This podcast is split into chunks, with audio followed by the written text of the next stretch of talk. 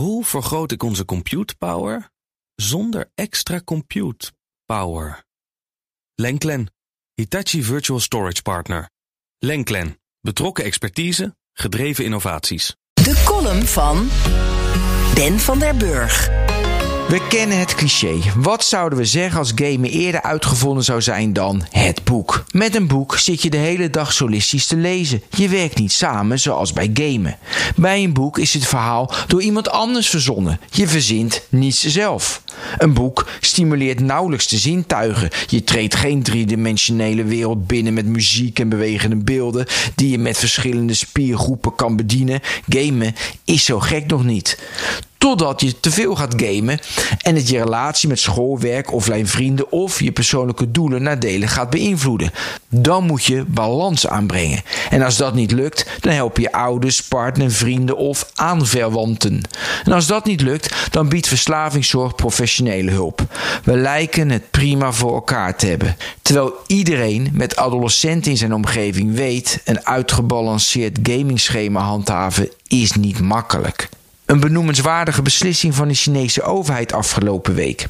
Ze wijt de afleiding van jongeren op school aan overmatig gamen. Daarom mogen personen in China onder de 18 nog 3 uur per week online gamen. Alle games moeten aangesloten worden op een anti-verslavingssysteem. Registreren dient te gebeuren met je echte naam en gezichtsherkenning controleert of je bent wie je bent.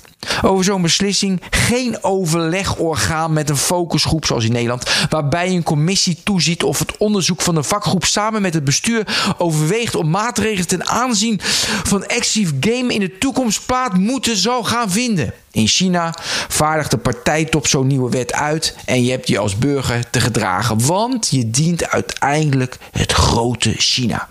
Vanuit een westers standpunt grijpt de Chinese overheid te extreem in op de vrijheid van de burger.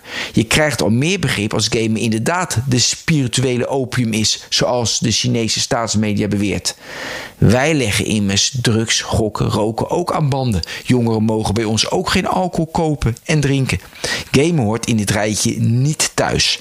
We hebben nog steeds geen wetenschappelijke consensus bereikt over de uitwerking van gamen op de mens.